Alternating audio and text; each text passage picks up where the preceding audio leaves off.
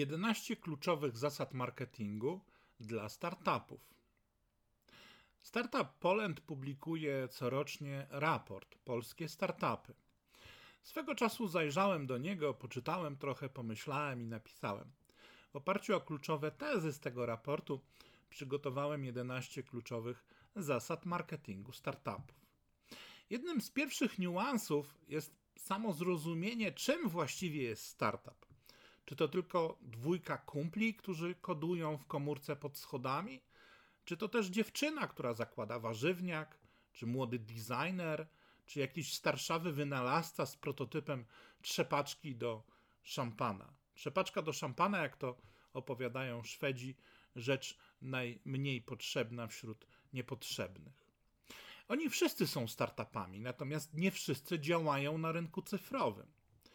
Poza nim, poza tym rynkiem cyfrowym, istnieje jeszcze rynek analogowy czy semicyfrowy. Tak na dobrą sprawę, nadal nie wiem, jaki procent startupów w Polsce zaczyna swoje projekty wyłącznie w sferze cyfrowej. Aż 83% startupów na rynkach cyfrowych sprzedaje w modelu business to business.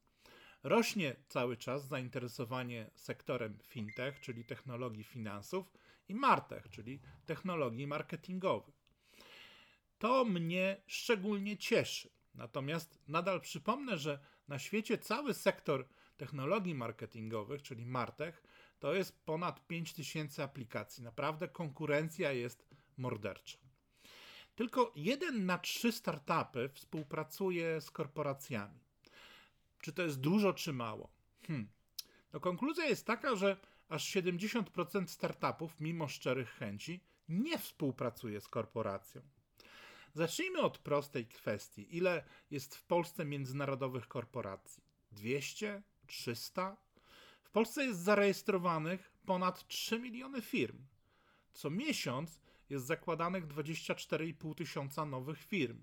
Ciekawe tylko, jak aplikacje czy rozwiązania technologiczne, jakie aplikacje czy rozwiązania byłyby, byłyby im przydatne do funkcjonowania, prawda? Wracając do korporacji, ile z nich ma jakikolwiek interes, by wesprzeć rozwój polskiego startupu? Skoro ich departament rozwoju jest w Berlinie, Londynie czy w San Francisco albo w Paryżu. Jeśli struktury korporacyjne w Polsce lub Europie Środkowo-Wschodniej nastawione są wyłącznie na ekspansję handlową na polskim rynku czy, czy, czy środkowoeuropejskim z gotowymi produktami czy scenariuszami kampanii reklamowych. O czym poważnie może polski startup rozmawiać z korporacjami typu Unilever czy Procter Gamble, Red Bull, Mars czy Apple? Najczęściej te organizacje mają własne projekty akceleracyjne czy inwestycyjne i są skupione na branży, w której działają. Warto też pamiętać, że dla dużych korporacji dziś lepszym rozwiązaniem jest tworzenie programów rozwojowych dla małych firm lub ich kupowanie, niż utrzymywanie własnych kosztownych departamentów badań i rozwoju. Dla wielu z nich inwestycja w startup to poligon doświadczalny lub nie łudźmy się, tańsza siła robocza do wykonania określonych procesów cyfryzacyjnych w porównaniu do zakupu usług na otwartym rynku. Dlatego w swoim wystąpieniu na InfoShare z 2014 roku, które znajdziesz na YouTubie, pytałem, czy startup jest partnerem, czy jest broilerem dla inwestora. Połowa startupów ryzykuje własne pieniądze, czy rodziny, czy pieniądze znajomych. Czy to jest dużo, czy mało? Moim zdaniem to dużo. Selekcja po trzech latach naprawdę jest bardzo duża. No, ile młodych firm przetrwa 3 lata? 5%, 10%. Jednym z głównych powodów wymienianych wszem i wobec jest brak znalezienia wystarczającego rynku i klientów na oferowane rozwiązania. Kochani, rynkologia. Dzisiaj dodałbym do tego brak umiejętności komunikacyjnych w przebiciu się przez kanonadę informacyjną mamy znaczne zwiększenie aktywności polskich akceleratorów. To oczywiście świetna informacja, natomiast zadam proste pytanie: ile akceleratorów naprawdę rzetelnie traktuje doskonalenie zarządzających startupami w zakresie zdobywania rynku? również w zakresie zbudowania tego rynku i zarządzania nim, pozyskiwania klientów, customer experience ile tak naprawdę koncentruje się na aspektach technicznych doskonalenia produktu czy usługi w sferze IT. W słynnej parze Woźniak i Jobs ten drugi był integratorem systemu, który się zajmował po prostu zbudowaniem rynku. Steve Jobs był po prostu rynkologiem. Nawiązuję tutaj do informacji, że aż 41% startupów ma dwóch założycieli, a 27% startupów zaczyna samodzielnie. Ale nie łudźmy się, można przyjąć założenie, że 68% w pewnej fazie zaczyna działać właśnie w takiej parze twórców typu Woźniak plus Jobs. Jeden musi być sprite, a drugi pragnienie. Jeden rozumie IT, a drugi marketing i sprzedaż. To naprawdę prosty model. Natomiast jeśli jest was dwóch od IT, znajdźcie sobie trzeciego wspólnika, który zbuduje i wdroży model marketingu i sprzedaży. Kompetencje marketingowe i IT nie zawsze idą w parze, a dla informatyków, marketerzy to często cudzysłowiu darmozjady biorące kasę zagadki, szmatki na prezentację. Ale wynika to z pewnego niezrozumienia, że bez rynku na wasze produkty deweloper może sobie klepać w klawiaturę wyłącznie dla przyjemności. Szefowie najlepszych startupów studiowali głównie nauki społeczne, co w połączeniu z naukami humanistycznymi wskazuje, że aż 70% CEO opiera swoje zarządzanie bardziej na kompetencjach miękkich niż ścisłych. Nie jest to niczym dziwnym, dlatego że współczesne zarządzanie to umiejętność sprawnego kierowania procesami, w których ludzie mają kluczowe znaczenie. Okazuje się, że aż 2 trzecie startupów widzi konieczność poszerzania swojej wiedzy z marketingu i zarządzania. To prawdziwe wyzwanie, bo najczęściej na polskich uczelniach i w podręcznikach będą znajdować wiedzę o, działa o działaniach średnich i dużych przedsiębiorstw oraz międzynarodowych korporacji. Strefa mikromarketingu, czyli budowania wzrostów opartych o grow hacking, czy działania partyzanckie, partyzanckie czy CRM, czy remarketing, social media, czy różne efektywne działania mikromarketingowe, naprawdę zajmuje to wiele czasu. Startupy w głównej mierze upodobały sobie model biznesowy typu software as a services. Warto podkreślić, że model ten wymaga nieustannego doskonalenia produktu i bardzo wysokiej sprawności w obsłudze klienta. Churning, czyli porzucanie płatności za usługi, nie powinien przekraczać 10%. Jeśli są wyższe, jeśli ten wskaźnik jest wyższy, warto przeanalizować cały model biznesowy. Jednym z częstych problemów mentalnych startupów jest taka wiara, że liczba darmowych pobrań beta zakończy się rewelacyjnym sukcesem finansowym. Zawsze tutaj wspominam słowa Janka Zająca z Sotrendera, który mówił, że nie jest sztuką, by społeczność pobrała 100 tysięcy darmowej wersji Twojego produktu. Sztuką jest to, by chciała zapłacić za to choć jedną złotówkę. To jest podobnia sytuacja jak z magikami od reklamy internetowej. Nie sztuką jest zrobić baz, sztuką jest zmonetyzować jego konwersję. To jest zawsze najtrudniejsze. Cieszy mnie to, że wśród 10 najpopularniejszych grup produktów pojawiają się już technologie marketingowe. Zawsze zbieram informacje na temat polskich aplikacji dla marketingu i sprzedaży. Możesz wejść na mojego bloga i tam dopisać swoją firmę do e, bazy Markbase. Znajdź po prostu linka na stronie blogkotarbiński.com. 11 kluczowych zasad e, marketingu dla startupów. Po pierwsze, nie bądź nachalny. Wielu młodych ludzi kopiuje beznamiętnie zachowania typowe dla multilevel marketingu. Czyli taki bierze sobie wiedzę z poradników młodego sprzedawcy garnków czy tysięcy wszelkiej maści poradników skutecznej sprzedaży. Efektem niestety częstym jest nachalność.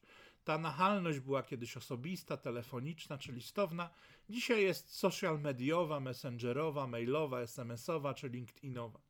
Uwierzcie mi, że dziś wasi potencjalni klienci będą was szybciej blokować niż wymonetyzować konwersję z cold spamu. Naprawdę. Po drugie, dobrze komunikuj wartość. To, że twoje rozwiązanie i pomysł ma 100 możliwości, siedziałeś na, nad nim pół roku, rzuciła ci dziewczyna, a kot ma focha, naprawdę nie obchodzi twojego potencjalnego klienta. Niestety. Jego interesuje wyłącznie to, jak rozwiążesz jego problem, jak zaspokoisz jego potrzebę albo jak go zachwycisz. Dzisiaj nie wystarcza zadowolenie. Zachwyt pomoże ci w zdobyciu darmowych zasięgów. Skuteczne komunikowanie wartości to podstawa umiejscowienia Twojej marki w umyśle klienta, czyli po prostu pozycjonowanie. To jest związane z punktem trzecim identyfikacja i pozycjonowanie marki. Jeśli dobrze komunikujesz wartość, to będziesz identyfikowany, rozpoznawany i prawidłowo pozycjonowany. Uber nie sprzedaje napojów, a Airbnb nie produkuje pieluch. Zobacz, jak krótko te marki są na rynku i jak stały się rozpoznawalne w swoich kategoriach. To jest kluczowe, podobnie jak kojarzenie Twojego nazwiska czy twórców startupu. Czwarty punkt to insight. Zdefiniuj dokładnie to, kto jest Twoim klientem i jakie są jego zachowania w swojego punktach styku. Dostosuj swoje produkty i usługi pod tym kątem. Pewna drukarnia kiedyś na swojej stronie internetowej pokazywała jedynie listę maszyn, jaką posiada. Nikogo to nie obchodziło. Natomiast sytuacja się zmieniła, kiedy pojawiły się tam konkretne produkty wizytówki, plakaty, katalogi. Patrz na swój biznes oczami insightu. Po piąte, dopasuj swój model biznesu. Twój startup nie jest betonowym kolosem. Tutaj decyzje są jednoosobowe albo dwuosobowe. Możesz modyfikować swój model działania dowolnie i w każdej chwili, dopasowywać się do tego, co chcą klienci, reagować na to, co robi konkurencja, czy proponować coś całkowicie nowego. Dziś nie, być, nie możesz być reaktywny. Bez elastyczności i otwartości na zmiany naprawdę niewiele wskórasz. 6. Bądź konsekwentny. To jest rzeczywiście trudne wyzwanie, bo z jednej strony trzeba się zmieniać, a z drugiej strony to jest zawsze wysoce ryzykowne. Musisz skupić się na priorytetach i nie łapać stu srok za ogon. Nie zmieniaj strategii działania co drugi dzień i nie, nie rób rewolucji co miesiąc. Skup się na szlifowaniu niedoskonałości. Pozwól też klientom i użytkownikom wypowiedzieć się, jak postrzegają działanie Twojej firmy. Po siódme, szanuj ludzi. Bądź miękki w stosunku do ludzi, ale twardy wobec problemu. To samo dotyczy wspólników. Najczęściej nieporozumienia dotyczą kasy. Jest ich zbyt mało albo na tyle dużo, że pojawiają się niejasności, jak ją podzielić. Nie zatrudniaj pracowników, którzy ci rozwalą zespół. Im mniejsza firma, tym umiejętności pracy w zespole są bardziej kluczowe. Uwaga, to, że się lubicie i chodzicie wspólnie na imprezy, nie oznacza, że będziecie w stanie razem ze sobą pracować, szczególnie w relacjach szef-podwładny. 8. Twórz ładne produkty. User experience jest dziś pojęciem odmienianym na wszelkie możliwe przypadki. Rozwiązania muszą być proste, intuicyjne, czyli po prostu simply and smart. Nikt nie ma czasu na lektury opasłych instrukcji obsługi. Dobry design aplikacji czy produktu jest dzisiaj naprawdę istotny. 9. Customer experience. To jest kluczowa wartość marketingu holistycznego XXI wieku. Budowanie doświadczenia klienta, w tym przypadku musisz w pełni zrozumieć, jak Twój potencjalny klient poszukuje informacji o Twoim rozwiązaniu, skąd do Ciebie trafia, co decyduje o jego zakupie, jakie ma doświadczenia w, w użytkowaniu, co decyduje o jego zadowoleniu czy możliwych rekomendacjach. To wszystko składa się na tak zwaną ścieżkę zakupową klienta, czyli Customer Journey. Powinieneś ją dokładnie analizować i wyciągać wnioski. 10. Nie bądź jak przewachlowany słoń. Historia przewachlowanego słonia wskazuje na efektywne działanie na rynku, na ukierunkowanie się na działania efektywne. Możesz bowiem poświęcić bardzo wiele czasu na pisanie tekstów, na wysyłanie maili, analizowanie ruchu na stronach, remarketing, wymyślanie reklam online. Możesz również wykonywać całą masę działań growhackingowych, które nie będą kosztowne, ale one ci zabiorą, zabiorą najcenniejszy zasób i to jest czas. Szukaj efektywnych modeli działania, które sam wypracujesz. I jedenasty punkt: marketing to myślenie. Prostych technik sprzedaży można się nauczyć na pamięć.